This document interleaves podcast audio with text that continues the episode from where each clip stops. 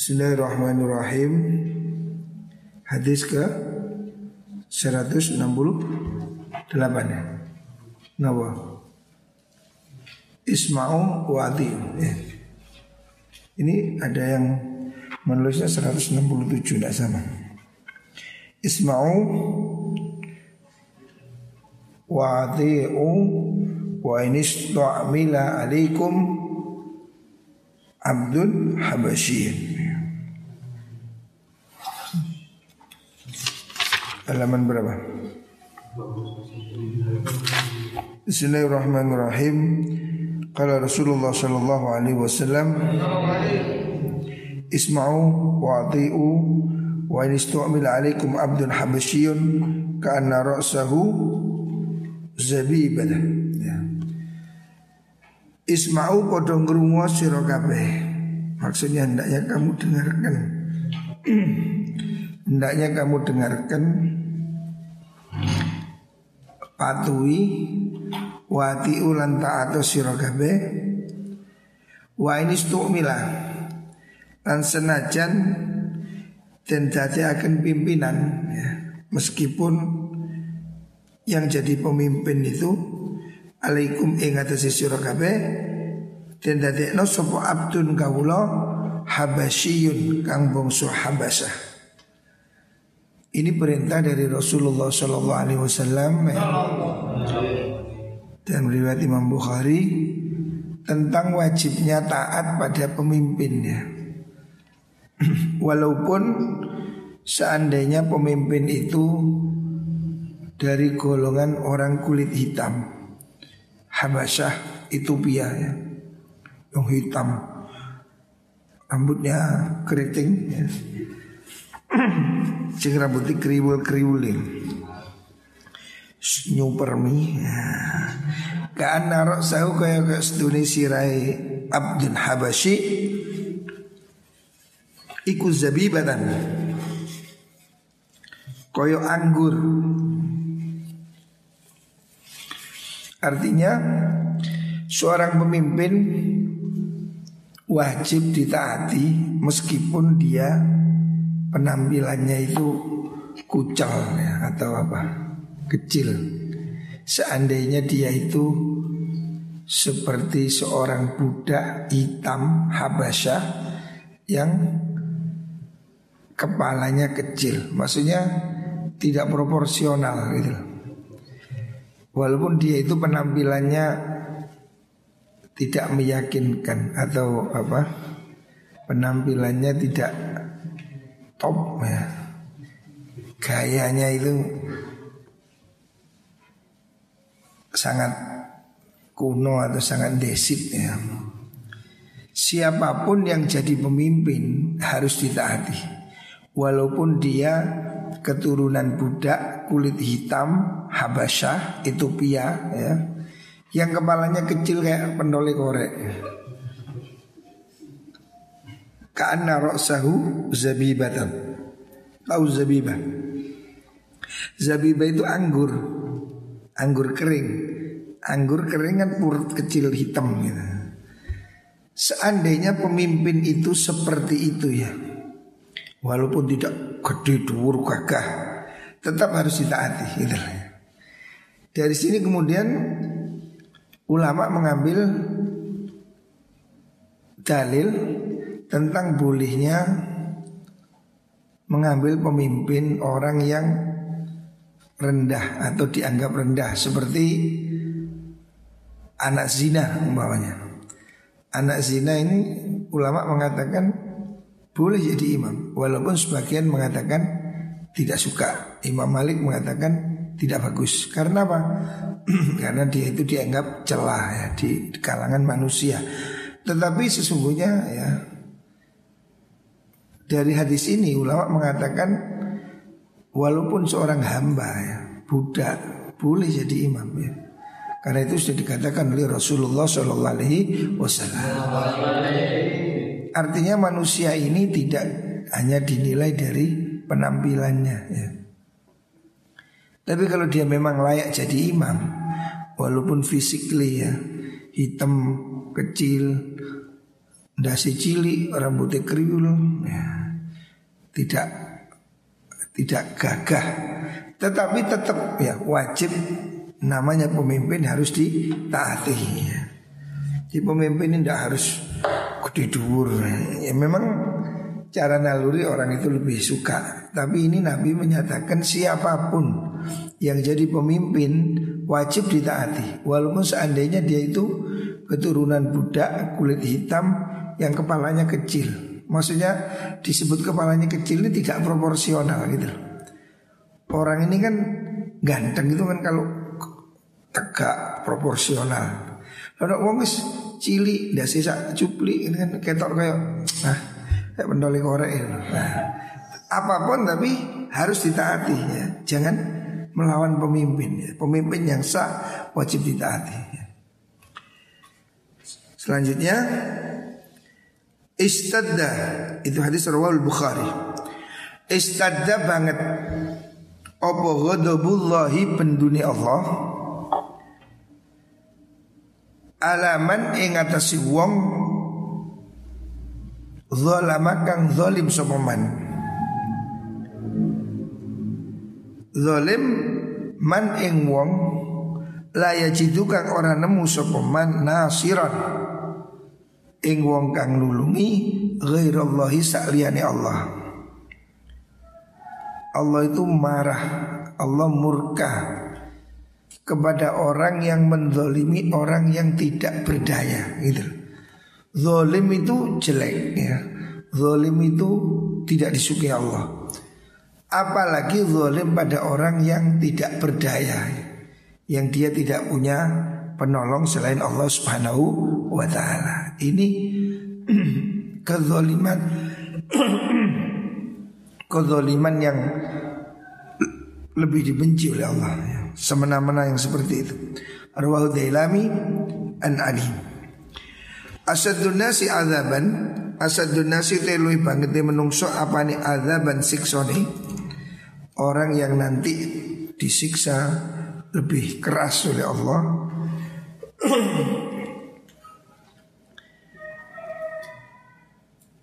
Linasi maring menungso oh. Fit dunya ing dalam dunya iku asyadun nasi luwih banget menungso apa ni azaban siksoni indallahi munggi Allah yaumal qiyamati dalam dina kiamat. Artinya orang yang menyiksa manusia dengan semena-mena besok akan disiksa lebih kejam lagi di akhirat gitu loh Artinya orang yang menyiksa orang lain dengan sedemikian kejam ya dengan tanpa alasan ya itu akan disiksa lebih berat lagi di sisi Allah di akhirat ya. Artinya Allah akan memberikan balasan yang lebih keras kepada orang yang semena-mena di dunia. Jadi seperti Fir'aun, nah besok siksanya lebih berat. Karena apa? Dia kan semena-mena Bayi-bayi dibunuh bawahnya nah, Semakin dia semena-mena Allah akan berikan siksa semakin berat. Nah, Rawahu Ahmad An Khalid bin Walid. Asadun nasi balaan al-anbiya. Asadun nasi telui banget menungso. Apa nih balaan sikso nih ya Manusia yang cobaannya paling berat ya. Iku al ambiyau poro nabi. Nabi ini ya mengalami siksaan yang besar. Orang ini semakin tinggi derajatnya, semakin besar tantangannya. Sama dengan Nabi Musa menghadapi Fir'aun. Nabi Muhammad SAW menghadapi saudaranya sendiri. Tapi yang paling berat itu musuh itu kalau saudaranya sendiri. Kalau lawannya mu, lawannya Fir'aun namanya Musa. Kalau lawannya Namrud namanya Ibrahim. Tapi kalau lawannya pamannya sendiri namanya Muhammad Sallallahu Alaihi Wasallam. Jadi cobaan terberat ini kalau dengan saudaranya sendiri. Ini pasti secara psikologis lebih sulit. Kalau orang itu dimusuhi orang lain kan bisa sembunyi, bisa pergi. Tapi kalau dimusuhi saudaranya, ini kan kompleks, urusannya kompleksnya. Maka cobaannya lebih berat. Kalau lawan raja masih bisa lawan pasukan kita. Nabi Musa melawan Fir'aun masih enteng. Ibrahim melawan Namrud. Tapi kalau Nabi Muhammad SAW melawan Abu Lahab, Abu Jahal, saudara sendiri, ini lebih berat ya.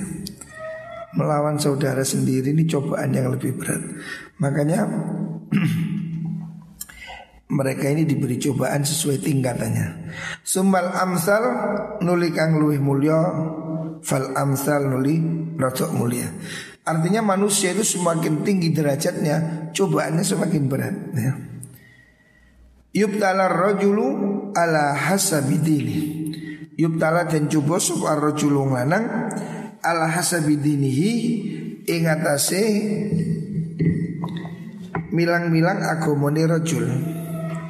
Orang ini akan mendapat cobaan sesuai kemampuannya, kadar kemuliaan dia. fa ingkana fi dinihi sulban fa ingkana lamun ono sapa wong fi dalam agama ni wong iku sulban kuat. Orang yang agamanya semakin kuat. Istadda mongko dadi banget opo balauhu cobane man. Semakin orang ini imannya lebih kuat, cobaannya lebih berat. Ya. Allah ini memberi cobaan sesuai kemampuan. La yukillifullahu nafsan illa usaha. Jadi kalau kita diberi cobaan oleh Allah, Allah tahu kita kuatnya, pasti sudah ada dosisnya. Wa ingkana lamun ono sapa wong iku fidini dalam agama wong iku rekah tipis kalau orang ini ukuran agamanya nggak terlalu kuat, ya ubtulia mongko den coba wong ala qadri dinihi ing atase kira-kira agamane wong. Dia akan diberi cobaan sesuai kadar kemampuan agamanya. Fama yabrahu mongko ora lebaran maksud tidak bebas, tidak tidak terlepas. Opo al balau cobaan? Bil abdi kelawan kaulo dengan seorang hamba. Hatta yatruku sehingga ninggal opo mengkuno balau ing abad. Yamsi halilumaku sopo abad alal ardi ing atasi bumi. Wa ma alaihi lan orang-orang iku ing atasi abad khati'atun tay keluputan Artinya Allah ini memang memberi cobaan ya di dunia ini pada orang-orang hebat ya. Orang ini semakin tinggi derajatnya, cobaannya semakin berat ya. Coba Nabi Yahya bin Zakaria di sembelih. Waduh, Nabi di sembelih. Bayangkan cobaannya. Khulafaur Rasyidin ya. Khalifah tiga ini kan terbunuh. Sayyidina Umar terbunuh. Sayyidina Utsman terbunuh. Sayyidina Ali terbunuh ya. Ini kan orang-orang hebat ini. Ya. Kenapa kok cobaannya besar? Ya memang seperti itu ya. ya. Dan ulama yang lain Imam Hussein cucu Rasulullah Wasallam ya. Bayangkan cucu kesayangan Nabi yang dipeluk-peluk Nabi matinya mengerikan sampai kepalanya dipisahkan dari tubuhnya. Dipenggal diarak sampai dipergi ke beberapa negara sampai hari ini ada di Mesir. Dibunuhnya di Karbala. Pindah dari kepalanya dibawa ke Damaskus dibawa ke Palestina dibawa ke Kairo. Bayangkan mengerikan sekali ya. Padahal dia Sayyidus Syuhada ya. Nah ini contoh-contoh. Imam Malik Wah juga mengalami siksaan Sampai tangannya engselnya terlepas Imam Ahmad Imam Syafi'i ya Imam Bukhari diusir dari negara dan contohnya banyak sudah. Artinya orang-orang hebat ini mengalami cobaan yang hebat sesuai dengan ketinggian derajatnya. Kenapa? Memang cobaan itu menyertai hidup orang supaya dia itu tidak punya dosa. Ketika mati dosanya sudah hilang karena hidupnya sudah banyak cobaan. Dengan cobaan itu dia diampuni Allah dosa-dosanya. Kayak baju itu dikucak, dicuci sehingga bersih. Ketika dia pergi sudah suci, dosanya sudah habis ya. Makanya kalau ada cobaan, kita ini jangan jadi cengeng ya. Orang menghadapi cobaan itu kasus yang sama, reaksinya tidak sama ya. Beda antara wortel dengan telur. Telur walaupun empuk kalau dipanaskan digodok jadi apa? Jadi keras. Wortel yang keras digodok jadi apa? Lonyok. Nah, nyonyok. Nah. Jadi sama-sama digodok lihat kasusnya. Nah, kalau dia telur, wah tambah digodok tambah atos. Tapi kalau dia mentalnya mental wortel digodok nyonyok. Nah, jadi sama-sama dipanaskan. Tidak sama ya. Ini beda orang cara menghadapi kenyataan. Ada orang di penjara jadi hebat. Bung Karno di penjara jadi presiden. Hamka di penjara jadi pengarang. Banyak hebat. Ada juga di penjara bunuh diri. Yono, ya, tergantung cara dia menerima kenyataan. Ada orang patah hati membalas dengan kesuksesan. Oh no. Kalau sing patah hati cengeng bunuh diri. Ya no. Ya, sama-sama patah hati bisa jadi pemimpin, bisa jadi pecundang ya. Tergantung cara dia menerima kenyataan gitu lah. Rawal Bukhari an Sa'id Asadun nasi hasratan yaumal qiyamah. Asadun nasi itu luih banget nih menungso. Apa nih hasrotan tuno kerugian. Orang yang besok paling rugi. Yaumal kiamating dalam dino kiamat. Besok hari kiamat ini ada orang yang Sangat-sangat rugi. Siapa itu? Rojulun iku wong lanang Am kanahu kangko nganggu ing rojul Opo tolabul ilmi nyubri ilmu Fit dunya ing dalam dunya Falam yatrubu Monggo ora nyupri sopo rojul Hu ing ilmu Besok akan sangat menyesal ya. Orang yang di dunia Diberi Allah kesempatan mondok Diberi kesempatan ngaji Gak mau ngaji Dia akan menyesal. Makanya Hari ini kamu yang masih mau mondok Hari ini kamu yang mau ngaji Bersyukur. Sebab orang ini besok masuk neraka itu gara-gara tidak ngaji ya. Allah katakan dalam Al-Quran Qalu lau kunna nasma'u au naqilu ma kunna fi ashabis sa'ir. Besok orang-orang yang nggak mau ngaji itu akan nyesel Kenapa? Seandainya lo kunna nasma Seandainya saya mau dengerin ngaji Au kilo atau saya mau berpikir Makun nafi ashabis air Tentu saya tidak masuk neraka ya Orang-orang besok yang di neraka itu akan menyesal Kenapa dia dulu tidak mau ngaji ya. Allah besar Muhammad Makanya orang yang masih punya waktu ya anak-anak muda yang masih punya waktu. Ayo belajar. Tidak semua orang ini harus bekerja. Nanti ada waktunya bekerja. Jangan khawatir ya. Mondok is kupu nyambut wae suki. Masih nyambut kai mulai cilik. Yo pancet ae gak suki ya. Bab suki gak duwe niku wis ditakdir kalau Gusti Allah. Tidak semua orang itu kubu kerja ya.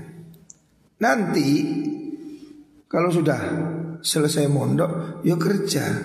Ada waktunya belajar, ada waktunya kerja, ada waktunya rileks. Kamu ini masih waktunya ngaji, jangan rileks-rileks terus. Aku ingin tulis nih.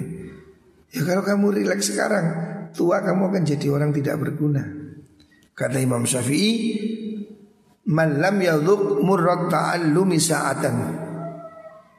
Tajarra'a dhullal jahli tula hayatih. Siapa orang tidak mau merasakan pahitnya belajar sejenak di waktu muda, dia akan merasakan pahitnya bodoh seumur hidup. Ya. Kalau kamu hari ini nggak mau ngaji, mungkin enak ya, tuli nois, ngeluyur terus, enak, asik, enjoy sekarang. Tapi aku kamu akan menyesal seumur hidup. Jadi orang goblok itu pahit seumur hidup ya. Nggak direken orang, nggak dibutuhkan orang. Ya. Makanya hari ini yang masih punya waktu belajar, belajarlah. Jangan sia-siakan kesempatan. Besok orang akan menyesal di akhirat gara-gara dia tidak mau belajar. Warujulun yang kedua Orang yang akan menyesal kelak di akhirat. Warujulun dan wong lanang. Allah makang mulangakan sopaman ilman ing ilmu. Fanta mongko ngalap manfaat Bihi kelan ilmu sopaman wong. Sami akan rungu sopaman hu ing ilmu Minhu sangking rojul Dunahu orang kono rojul Besok orang yang akan nyesel di akhirat yang kedua Orang yang bisa ngajar orang lain Orang yang bisa nuturi orang lain tapi tidak bisa nuturi dirinya sendiri ya. Orang yang bisa ngajak kebaikan tapi dia tidak mau melakukan ya. Ini orang yang besok akan menyesal di hari kiamat Sebab apa? Orang lain yang ngaji sama dia nyuruh orang sholat. Orang lain sholat dapat pahala dia. Yang melakukan itu. Yang nyuruh nggak sholat. Nah rusaklah dia karena tidak mengamalkan ilmunya. Ya. Artinya hadis ini menjelaskan tentang dua hal ya. Orang yang tidak mau belajar itu akan menyesal yang kedua orang yang tidak mengamalkan ilmunya. Makanya kalau bodoh belajar. Kalau sudah pintar ajarkan dan amalkan. Ini supaya kita selamat besok hari ini dan besok di akhirat. Allah salam Muhammad. Asadun nas. Oh, mana terusannya Asaddu ummati li hubban niku nggih. Asaddu ummati utai luwih bangete umat ingsun. Li maring ingsun apa nih hubban cintai ya. Orang yang paling cinta kepada saya ya. Menurut versi Rasulullah Sallallahu Alaihi Wasallam Siapa? Kaumun iku kaum yakunu nakang ono sopo kaum Iku ba'di ing dalam sakwuse ingsun. Jadi orang yang paling mencintai Nabi Itu belum tentu sahabat Nabi. Ada orang-orang di zaman nanti Yang dia mungkin lebih cinta pada Rasulullah Sallallahu Alaihi Wasallam. Yawaddu ahaduhum Yawaddu demen sapa ahadhum salah suwijine. Kaum. Annahu ing sedune kaum iku faqada kesepen kelangan. Sapa ahad keluargane ahad. Wa malahul an ing bondone ahad. Wa annahu lan sedune ahad iku ra'a bisa ningali sapa ahad ni ing ingsun. Maksudnya besok zaman akhir ya termasuk zaman ini akan ada orang yang lebih menyintai Rasulullah Sallallahu Alaihi Wasallam dibanding orang zaman dahulu. Dan ini dalam versi yang lain ya Rasulullah Shallallahu Alaihi Wasallam pernah mengatakan ada deruna ayul khalqi afdol iman. Nabi pernah bertanya pada sahabat, siapa kamu tahu nggak orang yang imannya paling utama di dunia ini? Kulna al malaika. Sahabat menjawab, pasti itu malaikat. Nabi mengatakan bukan. Ya. Orang yang paling afdol imannya bukan malaikat. Karena apa? Malaikat itu tidak ada nafsunya ya. Dia hanya taat ya. Kalau para nabi, nabi juga bukan ya. Nabi bagaimana nggak taat dong dia sudah dapat wahyu. Sahabat menerka lagi suhada. Suhada juga begitu, mereka mati syahid. Jelas imannya sudah kuat. Siapa lagi? Nabi mengatakan afdhalul khalqi imanan qaumun fi aslabir rijal. Orang yang imannya terbaik itu kaum yang belum lahir, yang masih zaman akhir ya. Yu'minu nabi walam yarawni. Mereka yang beriman kepadaku meskipun tidak pernah melihat aku ya. Lah, itu loh orang yang imannya paling hebat. Makanya dalam hadis ini Rasulullah Shallallahu mengatakan orang yang paling mencintai saya itu orang yang nanti zaman akhir ya. Mungkin pada zaman ini dia tidak pernah melihat Nabi, dia tidak pernah mimpi mungkin ketemu Nabi, tetapi dia mencintai Nabi secara luar biasa dan dia rela seandainya hartanya, keluarganya ditukar dengan bisa melihat Nabi. Saking cintanya pada kanjeng Nabi. Jadi ada orang yang tidak pernah ketemu Nabi tapi dia mencintai Nabi. Itu loh orang yang kata Nabi paling mencintai saya. Karena apa? Kalau orang sudah melihat Nabi gak cinta, yuk karena mana Sebab dia melihat sendiri Betapa hebatnya akhlak Nabi Makanya orang melihat Nabi ya pasti cinta Karena apa?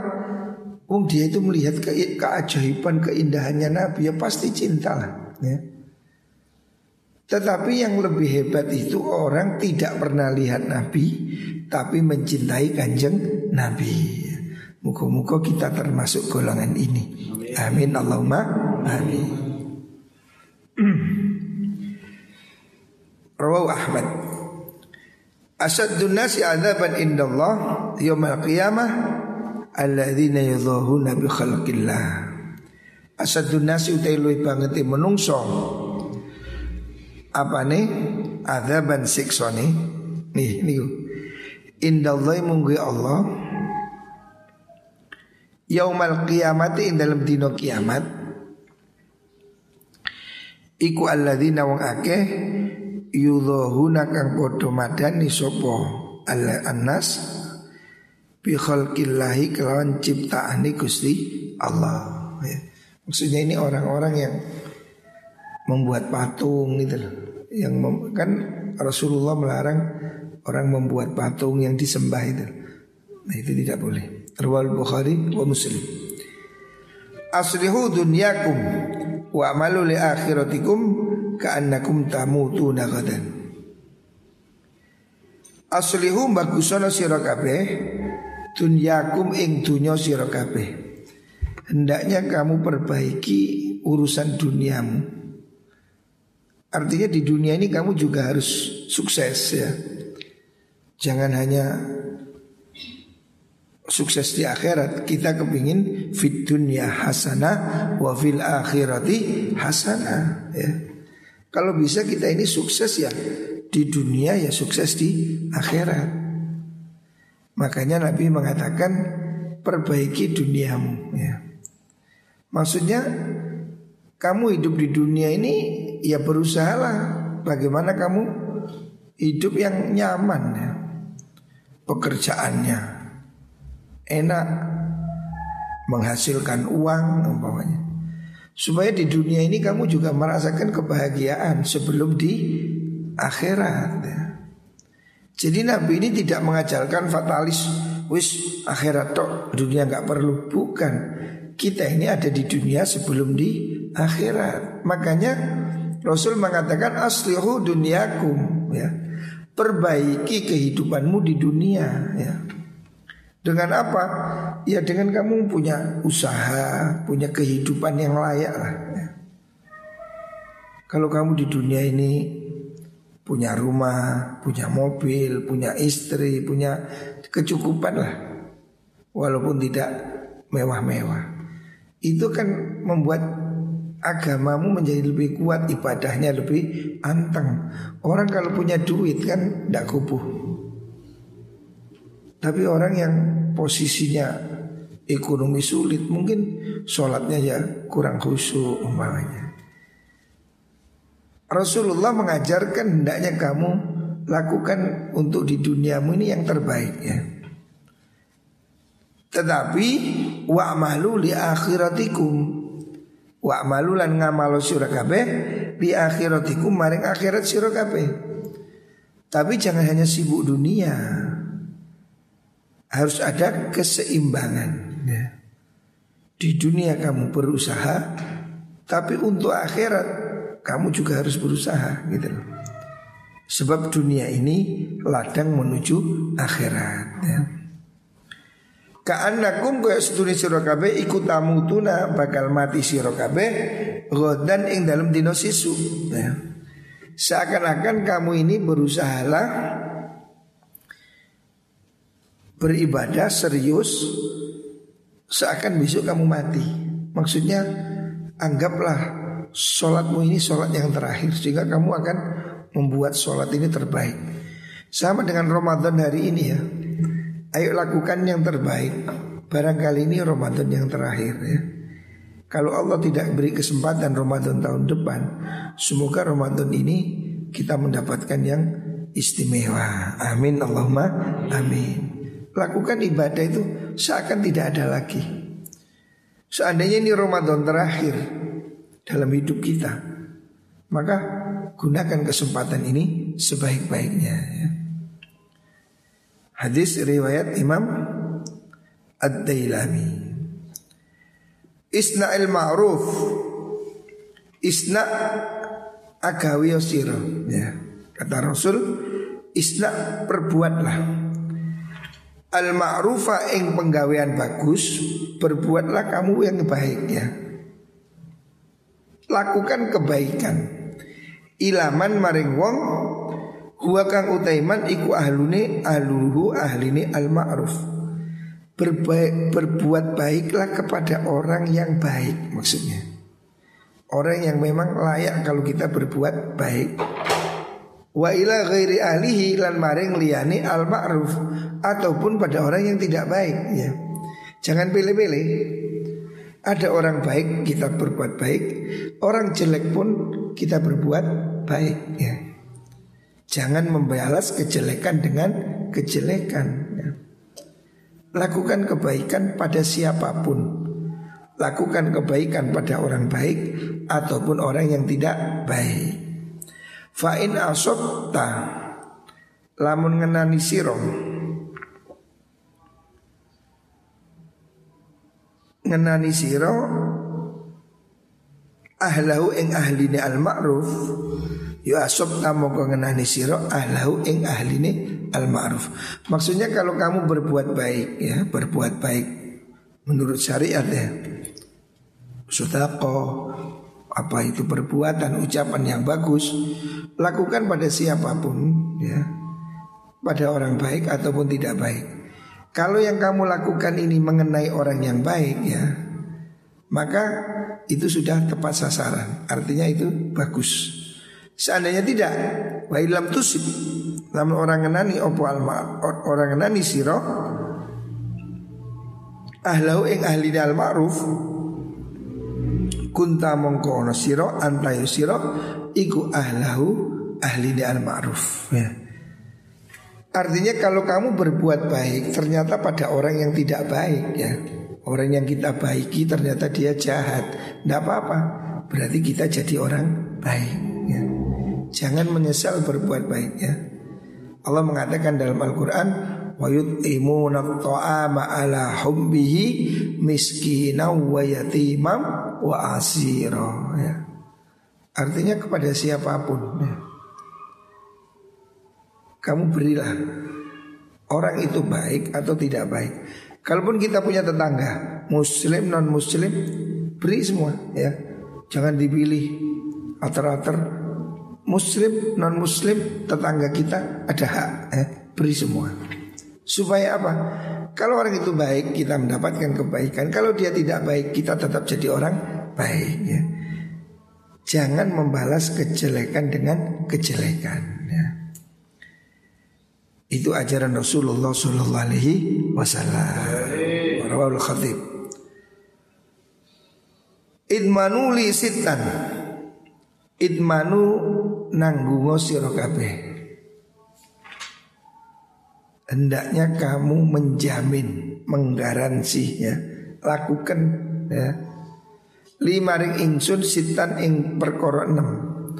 Ada enam hal ya yang diwasiatkan oleh Rasulullah Shallallahu Alaihi Wasallam. Hendaknya kamu lakukan enam pekerjaan ini. Hendaknya kamu jamin dirimu melakukannya ya. Idmanuli sitan enam hal min anfusikum sange awak dewi sira Hendaknya kamu melakukan enam hal ini dari dirimu Adman mongko nanggung ingsun lakum maring sira al jannata ing swarga. Siapa menjamin melaksanakan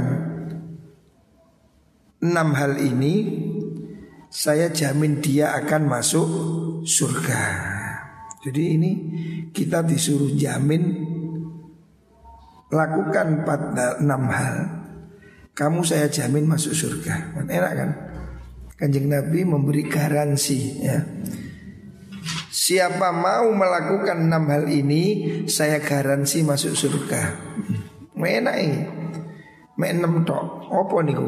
Nah angan-angan enam hal garansi masuk surga yang pertama ustuku temen sira kabeh idza haddatstum nalikane guneman sira kabeh. Yang pertama, kamu akan dapat jaminan garansi masuk surga. Yang pertama, hendaknya kamu berkata jujur. Ya, ini pintu yang pertama. Pintu pertama untuk kamu masuk surga Jadilah orang jujur Ojo mencelak-mencelak ya. Ini pintu pertama Siapa orang menggaransi dirinya Melakukan enam hal ini Nabi kasih dia garansi masuk surga ya. Apa itu? Yang pertama Lek ngomong sing bener Kalau bicara yang jujur ya yang kedua, wa aufu idza ahadtum ya.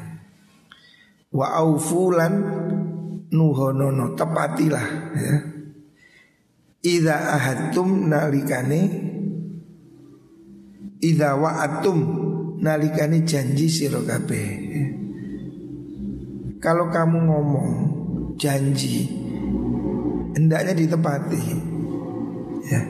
Jangan kasih janji palsu atau jambu. Janjimu busuk. Nah, jambu. Jangan kasih PHP ya, pemberi harapan palsu. Nah. kalau kamu janji ya komitmen lah ya. Jangan ngomong iya iya wis iya tapi nggak dilakukan. Itu jaminan yang orang masuk surga. Yang ketiga, wa'adu idza tumintum. Kamu akan masuk surga. Yang ketiga kuncinya wa'adu nakana nusuri kabeh idza tumintum nalikani den percaya sira kabeh. Kalau kamu diberi amanah, laksanakan sebaik-baiknya ya. Kalau kamu dipercaya, jangan berkhianat ya. Hendaknya kamu punya kejujuran dalam mental ya. Apalagi itu urusan umat ya. Apalagi itu urusan perjuangan Jangan kamu berkhianat kepada amanah ya Joko Toko dicolong Wah itu tidak amanah ya. Kamu dipercaya untuk melakukan pekerjaan Lakukan dengan amanah ya Jangan kamu menjadi curang, menjadi penipu Hargai kepercayaan orang ya. Kepercayaan itu sulit didapatkan Sekali kamu tidak bisa dipercaya Orang tidak akan percaya selama lamanya Sekali lancung di ujian Apa? Istilah pepatahnya itu Sekali lancung di ujian seumur hidup Tidak akan dipercaya ya. Jadi sekali kamu bohong Orang akan mengira kamu ya bohong terus. Benar pun dikira bohong ya. Makanya jaga amanah ya. Jaga kepercayaan orang. Hendaknya kamu menjaga kepercayaan orang yang berpikiran baik kepadamu. Orang itu mungkin berpikir positif tentang kamu. Itu harus kamu jaga. Jangan sampai dia berubah pikiran Kamu harus menjaga kepercayaan Ini kunci sukses dalam hidup ya. Orang bisnis itu modal pertamanya ya amanah itu Walaupun kamu tidak punya uang Kalau kamu amanah Pasti banyak yang akan titip barang, titip modal karena kamu amanah. Tapi walaupun kamu pinter, ulet tapi pembohong, orang tidak akan suka ya. Karena tidak amanah. Ini kunci kedua masuk surga bisa menjaga amanah. Yang yang keempat wahfadhu furujakum.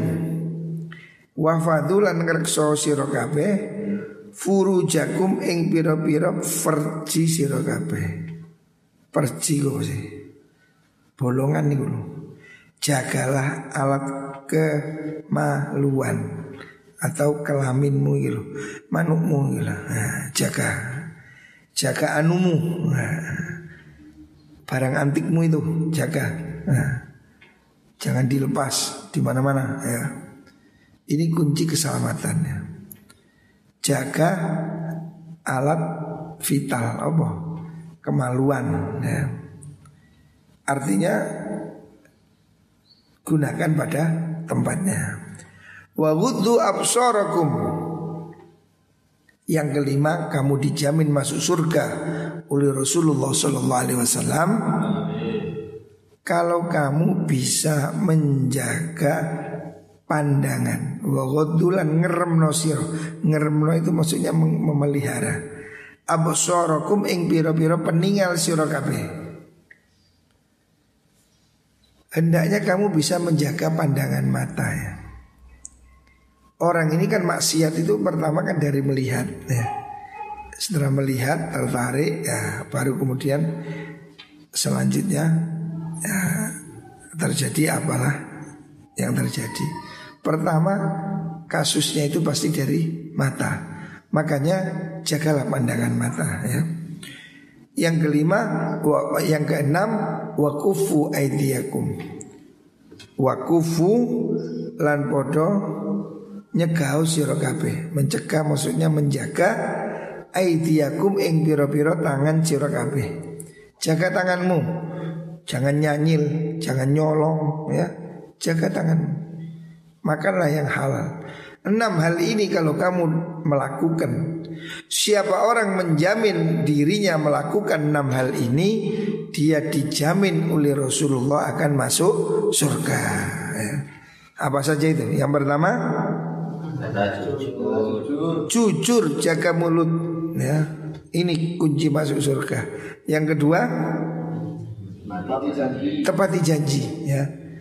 Jangan janji-janji palsu yang ketiga jaga amanah ya. Kalau dipercaya jangan disia-siakan ya. Jaga integritas kejujuranmu, jaga amanah ya. Jangan berkhianat. Yang keempat jaga kemaluanmu, jaga anumu ya. Ikumu loh. Alat kelaminmu itulah. Ya. Yang kelima Jaga pandangan matamu ya. Kurangi maksiatnya. Yang keenam jaga tanganmu ya. Maksudnya jaga tanganmu itu jangan sampai mencuri, menyakiti orang, mengambil yang tidak berhak ya. Jaga semua. Ini enam hal ini kalau kita lakukan insya Allah kita dijamin masuk surga. Muka-muka semua dapat melaksanakan. Kita ingin semua berkumpul di surga. Amin Allahumma amin.